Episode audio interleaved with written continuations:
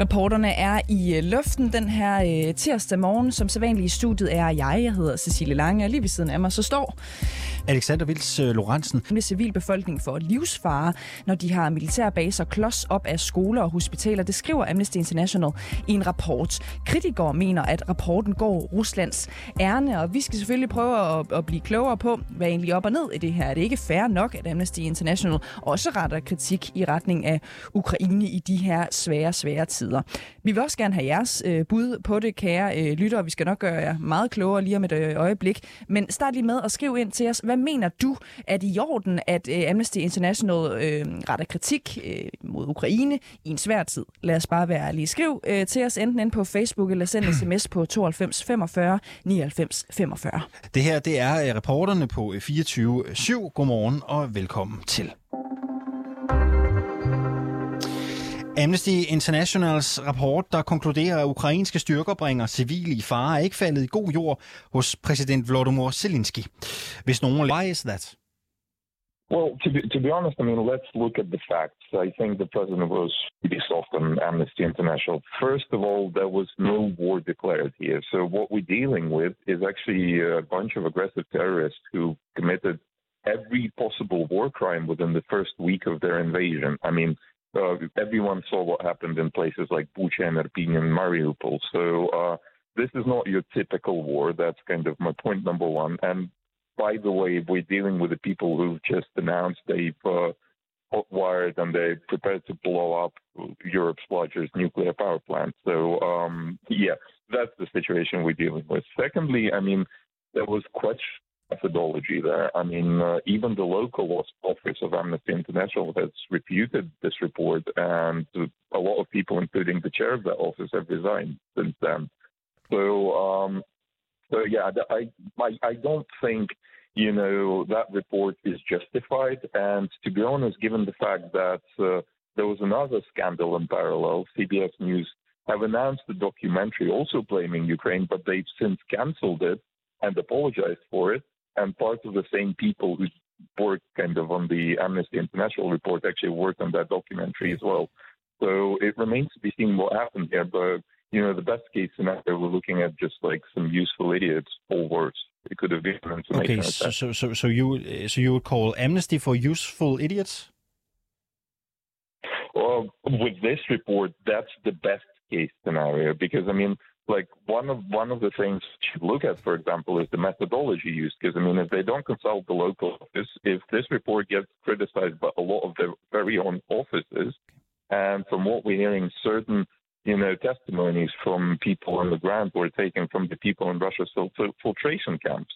I mean, um, it sounds very similar to like go, going to Auschwitz and asking you know prisoners of war whether their commandant is treating them well. I mean, it's that's duress. So this is a very questionable report, and I think that's not the last we heard of it, and we're going to look into it as well. I'm just going to translate a bit, Igor Novikov. Det uh, Zelenskis uh, tidligere rådgiver Novikov siger her er, at Amnesty med den her rapport i bedste tilfælde fremstår som nyttige idioter. Selve fremgangsmåden svarer til, at man var gået ind i Auschwitz og havde spurgt fangevogterne, om de øh, behandlede jøderne godt. Mm. Det er det, han siger her.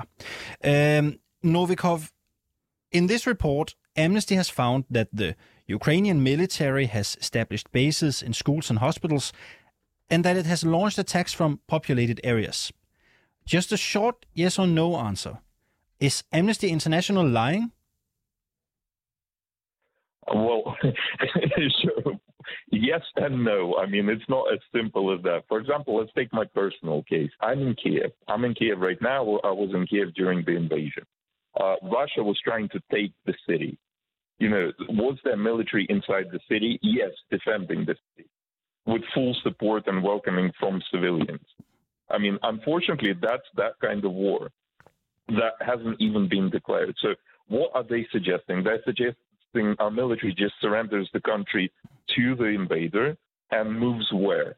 To another country, or like stays in the open field so, and gets destroyed. So Novikov, is it is it is it okay to uh, deploy military resources next to schools and hospitals, for instance? Is that okay? Well, given the situation, like, look, if the city is being under attack, no war has been declared, there's rape, torture, and indiscriminate shelling. The military should stay wherever it can and protect its civilians. It's not like they they're being shielded by civilians. It's not like they're putting civilians in front of like their tanks and you know their attacks or whatever.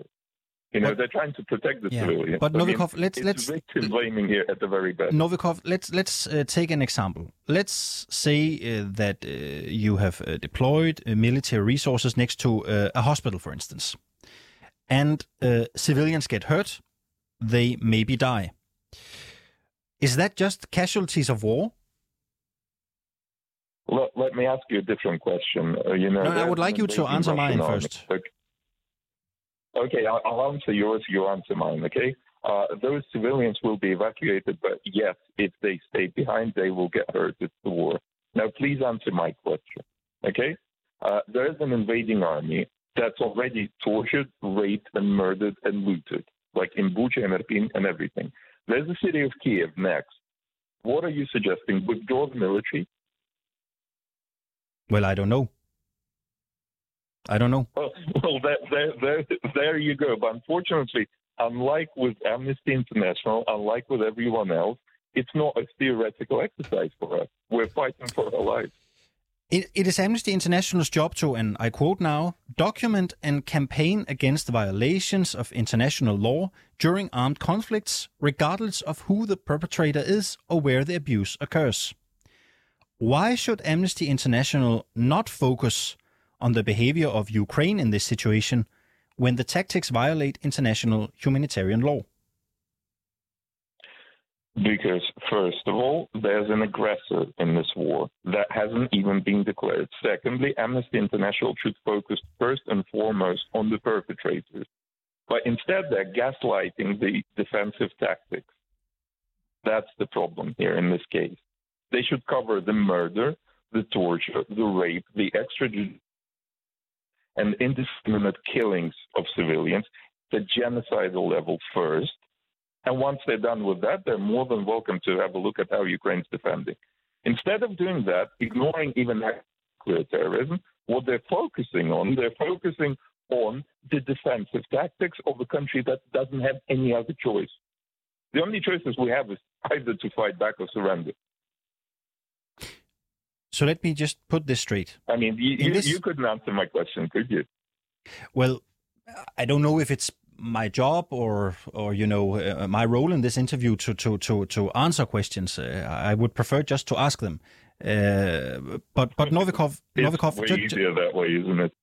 Novikov. Uh, let me uh, let me ask you this question then. Um, I'll, I'll try to do it as uh, you know. I'll try to do it as, as brief as possible. Um, in the current situation in Ukraine, when we look at the Ukrainian army, the Ukrainian forces, and the state of them, do you think that everything is allowed right now for the Ukrainians? No, definitely not. If you have a look at what, you know, certain videos that we're seeing of what the Russian soldiers are doing to Ukrainian prisoners of war, luckily, and I'm very grateful for that, that, you know, even under such pressure that my fellow citizens actually keep their composure, we're not seeing the same videos from Ukrainians. Let me give you one last point. I'm Ukrainian civilian. I'm not military. I live in Kiev. And let me tell you this if the army comes and asks to take over my house and set up a defensive point in my house, I'd welcome them with open arms. Okay. Uh, just before I let you go, one uh, short question. Oksana uh, Pokalchuk, who's now the former head of Amnesty International Ukraine, has left office after this report was published. Is that the right thing to do? That's exactly the right thing to do. And I feel really sorry for her because she's dedicated a number of years of her life and her career to this organization. Unfortunately, when you know the reputation gets tarnished, you have to quit and you have to move on. And I think it's not the last we've heard of this report and this organization, unfortunately. I will try to do this diplomatically. Is there any possibility that Oksana Pokalchuk has experienced any sort of pressure from people in Ukraine, the government, to leave office? From people in from people in Ukraine and the government, no. From her conscience, yes. Were I in her position, I'd leave immediately as well. All right. Uh, Let's not forget that tens of thousands of people are dying here, her fellow citizens, right? Igor Novikov, uh, thank you very much for joining us this morning. Thank you for having me. Former advisor to President uh, Zelensky. Ja, Amnesty International har skabt materiale, der lyder som støtte til russiske fortællinger, og for at beskytte civile er undersøgelsen blevet et redskab for russisk propaganda. Sådan lyder det i et uh, Facebook-opslag fra netop uh, Oksana Pokalchuk, uh, der som sagt er tidligere chef hos Amnesty International. Hun har altså nu sagt op i protest. Uh, Stefan Weikert, dansk journalist i Ukraine, godmorgen. Han er vist på en... Han er på, ja, en Thailand-forbindelse. Ja, den, den har jeg faktisk ikke i uh, pulten. Ved du hvad, jeg... Kan du lige, uh, Cecilie, fordi så, så uh, sørger jeg lige for at, uh, at varme op, så vi kan få Stefan Weikert igennem her. Han er altså med os fra Kiev, og han har jo været i kontakt med Oksana Pukalchov, som altså er landeschef, tidligere landeschef for Amnesty International i uh, Ukraine. Godmorgen, Stefan Weikert. Godmorgen, kan I høre mig nu? Ja, det kan vi i hvert fald, Stefan. Bilkær. vi har en lille smule baks med teknikken øh, her, til, øh, her til morgen. Du er med os fra Kiev, som sagt, at du har været i kontakt med øh, Oksana øh, Pokalchuk. Øhm, hun har ikke selv ønsket at stille op til interview, Stefan Weikert, men prøv lige at forklare os, hvad har Amnesty International i Ukraine egentlig gjort for at modarbejde den her rapport? Jamen det vi hører, det er, at øh, Oksana for eksempel her altså, har forsøgt at være i dialog med dem, øh, forsøgt at få dem til at trække øh, dele af rapporten tilbage, eller i hvert fald øh, ændre teksten eller ordlyden i den, øh, i den form for det, og så... Øh, og så har hun, altså hendes begrund for at sige, at, at hun mener, at rapporten enten skal ændres eller, eller trækkes tilbage, er jo, at øh, hun mener, at den står uden kontekst. Altså hun har til forsøgt øh, at få Amnesty International til at øh, lave i hvert fald som minimum en, øh, en lignende undersøgelse af Rusland øh, og, og putte den ind i samme rapport for ligesom at, at, øh, at Ukraine ikke bliver der ikke bliver peget på Ukraine alene, og, og Rusland ligesom går lidt fri i det her, fordi at øh, hun føler lidt, at det bliver, eller hun føler, at det bliver set, eller rapporten er et angreb på, på Ukraine. Mm. Og øh, vi kan også bare lige sige, at Amnesty International øh, Danmark, de har ikke ønsket at stille op i et interview øh, hos os her hos øh, reporterne, men de skriver blandt andet sådan her i en, en kommentar til os, så nu citerer jeg igen. Øh, når vi laver vores research og bliver opmærksom på brud på krigens love begået af Ukraine, så vil det være dybt utroværdigt for os ikke at rapportere om dem også beskytte. Det er trods alt vores opgave som menneskerettighedsorganisation at beskytte civile mod overgreb, uanset hvem der står bag. Øh, Stefan Weikart, hvordan forholder Oksana øh, Pukalchuk øh, sig til den her del, altså at Amnesty's opgave er at holde øje med alle, der bryder øh, menneskerettigheder og krigslove?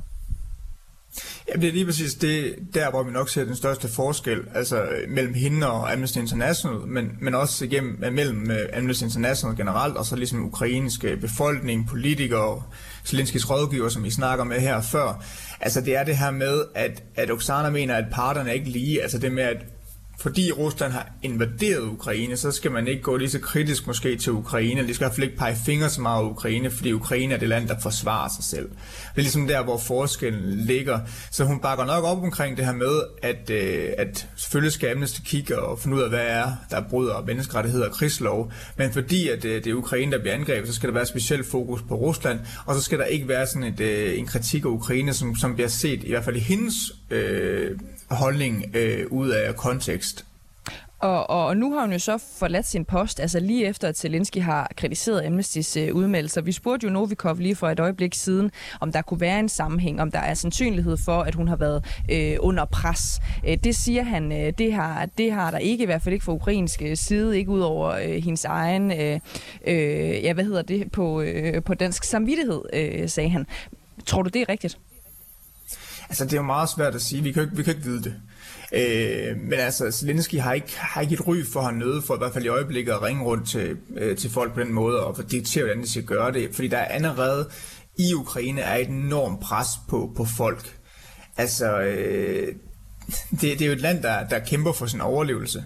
Øh, og der er ikke ret meget tolerance for, hverken øh, blandt selvfølgelig Zelensky og politikerne i landet, øh, blandt den øh, debatten øh, blandt eksperter i landet, eller, eller blandt den almindelige befolkning til, at man ligesom kritiserer Ukraine, fordi det for mange ukrainer er noget, der er meget nært. Altså, der kan falde et missil ned hver eneste øjeblik. Øh, den russiske øh, Rusland prøver at, at fjerne Ukraine fra landkortet, så der er ligesom ikke ret meget tolerance for den her kritik. Så derfor så tror jeg egentlig, at sådan en som Oksana for eksempel er under et enormt pres generelt set, ikke kun fra, fra de politikerne, og om de så måske eller måske ikke har har, øh, har ligesom kritiseret hende, eller, ligget pre- eller lagt pres på hende, men der er sådan et pres på alle øh, alle i Ukraine i forhold til, at der ikke er ret meget tolerance i forhold til kritik af, af landets militær.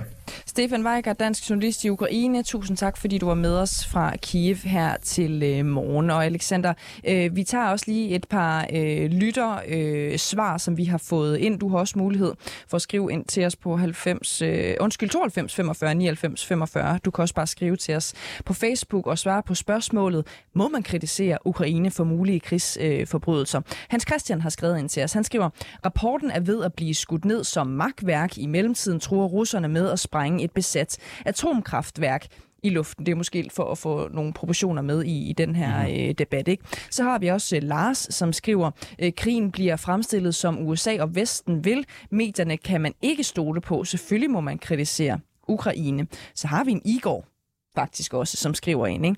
Bliver Ukraine automatisk skyldfri og får status af at være en permanent ærefuld i alle krigens forhold, blot fordi de er Ukraine, som er den overfaldende part, spørger altså Igor meget, øh, hvad skal man sige, retorisk her. Ikke? Mm. Send en sms ind til os med dit øh, bud 92 45 99 45. Og lad os lige prøve at se nærmere på nogle af de anklager, som Amnesty International kommer med i sin rapport. De går blandt andet på følgende, jeg nævnte det også tidligere i programmet. Altså at ukrainske styrker har iværksat angreb fra befolkede boligområder, og at de har haft militærbaser på skoler og hospitaler og andre civile bygninger, som senere er blevet bombarderet af russerne, og på den måde har Ukraine altså sat civilbefolkningen i fare 19 forskellige steder i landet, lyder det. Søren Søndergaard, godmorgen. Godmorgen. Du er udenrigsordfører for Enhedslisten, og du mener, at konklusionerne i Amnestys rapport er for absolute. Hvad mener du med det? Jeg må ikke godt sige, at jeg synes, det er rigtig godt, at øh, vi har organisationer som Amnesty, som undersøger de her ting. Og jeg synes, det er rigtig godt, at øh, man kigger i alle retninger, og ikke kig, kun kigger i en retning. Så, så, så det er ikke nogen kritik af overhovedet, at man, at man laver undersøgelsen, og heller ikke nogen øh, kritik af, at man påpeger, hvis man har fundet fejl. Øh, nu har jeg ikke, altså jeg har ikke haft mulighed for at verificere rapporten, så derfor, men jeg går ud fra, at det, der står, er rigtigt. Det kan være, at det er forkert, så er det selvfølgelig en anden sag. Men, men, men det er som udgangspunkt godt. Men, men når det er så sagt, så er det også klart, at man bliver nødt til for det første at øh, vurdere karakteren af de fejl, der er lavet. Og for det andet, så bliver man også nødt til at sætte det ind i en kontekst. Øh, og der tænker jeg ikke bare på, at man i en pressemeddelelse skriver, at det her underskylder ikke, at russerne også laver øh, ting, men at man også tager ansvar for, hvordan det bliver præsenteret. Nå, men lad os lige prøve at øh, tage fat i et af de eksempler, der bliver nævnt i rapporten. Så ikke øh, styrkerne har iværksat angreb fra befolkede boligområder, de ukrainske styrker. Øh, er det okay, hvis man spørger dig i sådan en, en, en krigssituation, hvor man bliver angrebet? Jamen det kan det jo, det kan det jo være, altså fordi øh, altså krigens lov siger man i fornødent omfang eller i videst mulig omfang skal undgå, at, at øh, civile bliver udsat for fare. Øh, og, og, og derfor er det jo en fuldstændig konkret øh, vurdering af, om, om man øh, i den der situation ikke havde andre muligheder. Altså, øh, og, og, og der har Amnesty så, så deres opfattelse, andre har der andre opfattelser, men men det er klart, hvis du for eksempel er i en situation, hvor du er omringet i en by, altså, så har du meget øh, få andre muligheder. Øh, og, og der, er det jo ikke, der er det jo ikke et alternativ at sige, om der, der, var, der var en fodboldbane i, i byen, der kunne du stille dig ud og blive skudt, øh, i stedet for at skyde fra, fra, fra boliger øh, øh, eller fra skoler. Ikke? I et tænkt eksempel, hvor øh, Danmark kommer i krig, og København mm. kommer under angreb. Mm. Vil du mene, at det var legitimt at etablere en øh, militærbase på en skole i København eksempelvis? Jamen altså, det er, jo en, det er jo en meget konkret vurdering, fordi det er klart, at du skal selvfølgelig gøre alt for, øh, og i det omfang, du har tid til at få evakueret øh, eleverne og få dem væk, øh, og få givet civile muligheder for at komme væk. Øh, øh, og i, i en sådan situation, hvis du har gjort det så, kan det, så kan det være helt i orden. Der kan også være situationer, hvor angrebet kommer så pludselig, så du dårligt har tid til at nå det. Altså, det er jo en meget konkret vurdering. Øh, altså, jeg, jeg har selv et problem med nogle af Amnestys, hvad skal vi sige, meget neutrale måde at gå til det på, øh, som jeg selv havde en diskussion med Amnesty for nogle år siden. Det var omkring kurderne, øh, Øhm, som øh, i, øh, i kampen mod islamisk stat øh, af Amnesty en rapport blev beskyldt for at bruge børnesoldater. Øh, og, øh, øh, og hvor øh, at øh, Amnesty direkte kritiserede enhedslisten for, at vi, vi støttede kurdernes kamp øh, og opfordrede til støtte til kurderne, fordi de brugte børnesoldater.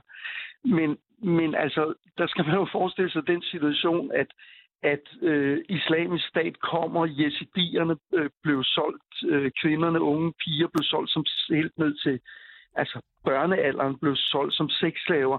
I den situation, at der er nogen, der øh, siger, at vi vil være med til at forsvare vores område, selvom de kun er 16-17 år, og man i den situation, hvor man er omringet og under total pres, ikke bruger tiden på at tjekke, om folk er, øh, er over 18 år. Altså, ja, det er forkert, og det er rigtigt at påpege det, men det skal alligevel relativeres. Altså husk selv på, for eksempel, hvordan vi i Danmark øh, berømmer Churchill-klubben, ikke?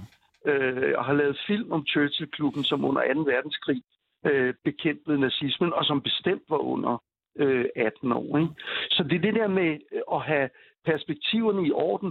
Det er ikke det er ikke for at sige, at man ikke skal påpege fejlene. Det men synes, men, men, men lad, os lige, lad os lige prøve at, at bremse den der. Jeg, jeg, jeg prøver lige at, at læse op her på, på engelsk, hvad Amnesty International selv siger, deres opgave er. Ikke? Det er at øh, dokumentere og, øh, beskrive øh, overskridelser af den internationale ret øh, i perioder med bevæbnede konflikter, ikke? uanset hvem angriberen er. Er det ikke netop det, Amnesty International gør her? Det, du plæderer for, er vel, at de gør noget andet, end det, de er sat i verden for? Nej, altså, jeg, jeg, jeg tror, jeg startede med at sige, at jeg synes, det er rigtigt, at Amnesty øh, og organisationer som Amnesty undersøger alle parter, og jeg synes, det er rigtigt, de påpeger øh, fejl og påpeger øh, brister. Jo, men så siger du jo også, at der er nogle omstændigheder, som ligesom kan gøre sig anderledes gældende. Ikke? Så spørgsmålet er, hvad skulle Amnesty så have gjort? Jamen altså, for eksempel undrer det mig, at det havde den hast med at få den øh, rapport offentliggjort. Altså, man har sendt den til det ukrainske øh, ministerium, øh, og det synes jeg er rigtigt, og så har man afventet øh, relativt kort tid, og da der ikke kom noget svar, så har man offentliggjort det. Øh, øh, hvor at øh, det at gå i, i, i dialog med ukrainerne måske øh, ville have været en mulighed at bruge mere tid på den fase. Og så har det noget at gøre med præsentationen, altså hvordan det bliver præsenteret. Der bliver Amnesty jo bare nødt til at forstå, at de jo også er en del af en medievirkelighed. Og hvis det bliver præsenteret på en sådan måde, som alle er lige gode om det, øh, så, så, så, har man jo, så har man jo begået en fejl, fordi i, i, i Ukraine-konflikten, der er det altså ikke Ukraine, der har angrebet Rusland. Der er det altså Rusland, der har angrebet Ukraine.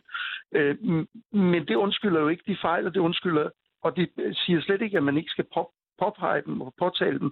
Man bliver bare nødt til øh, at øh, sætte dem ind i en sammenhæng og forstå den sammenhæng, de indgår i. Søren Søndergaard, øh, du er udenrigsordfører for Enhedslisten. Tak fordi du var med her øh, til morgen. Det var slet. Og god morgen til dig. I lige måde. Hej.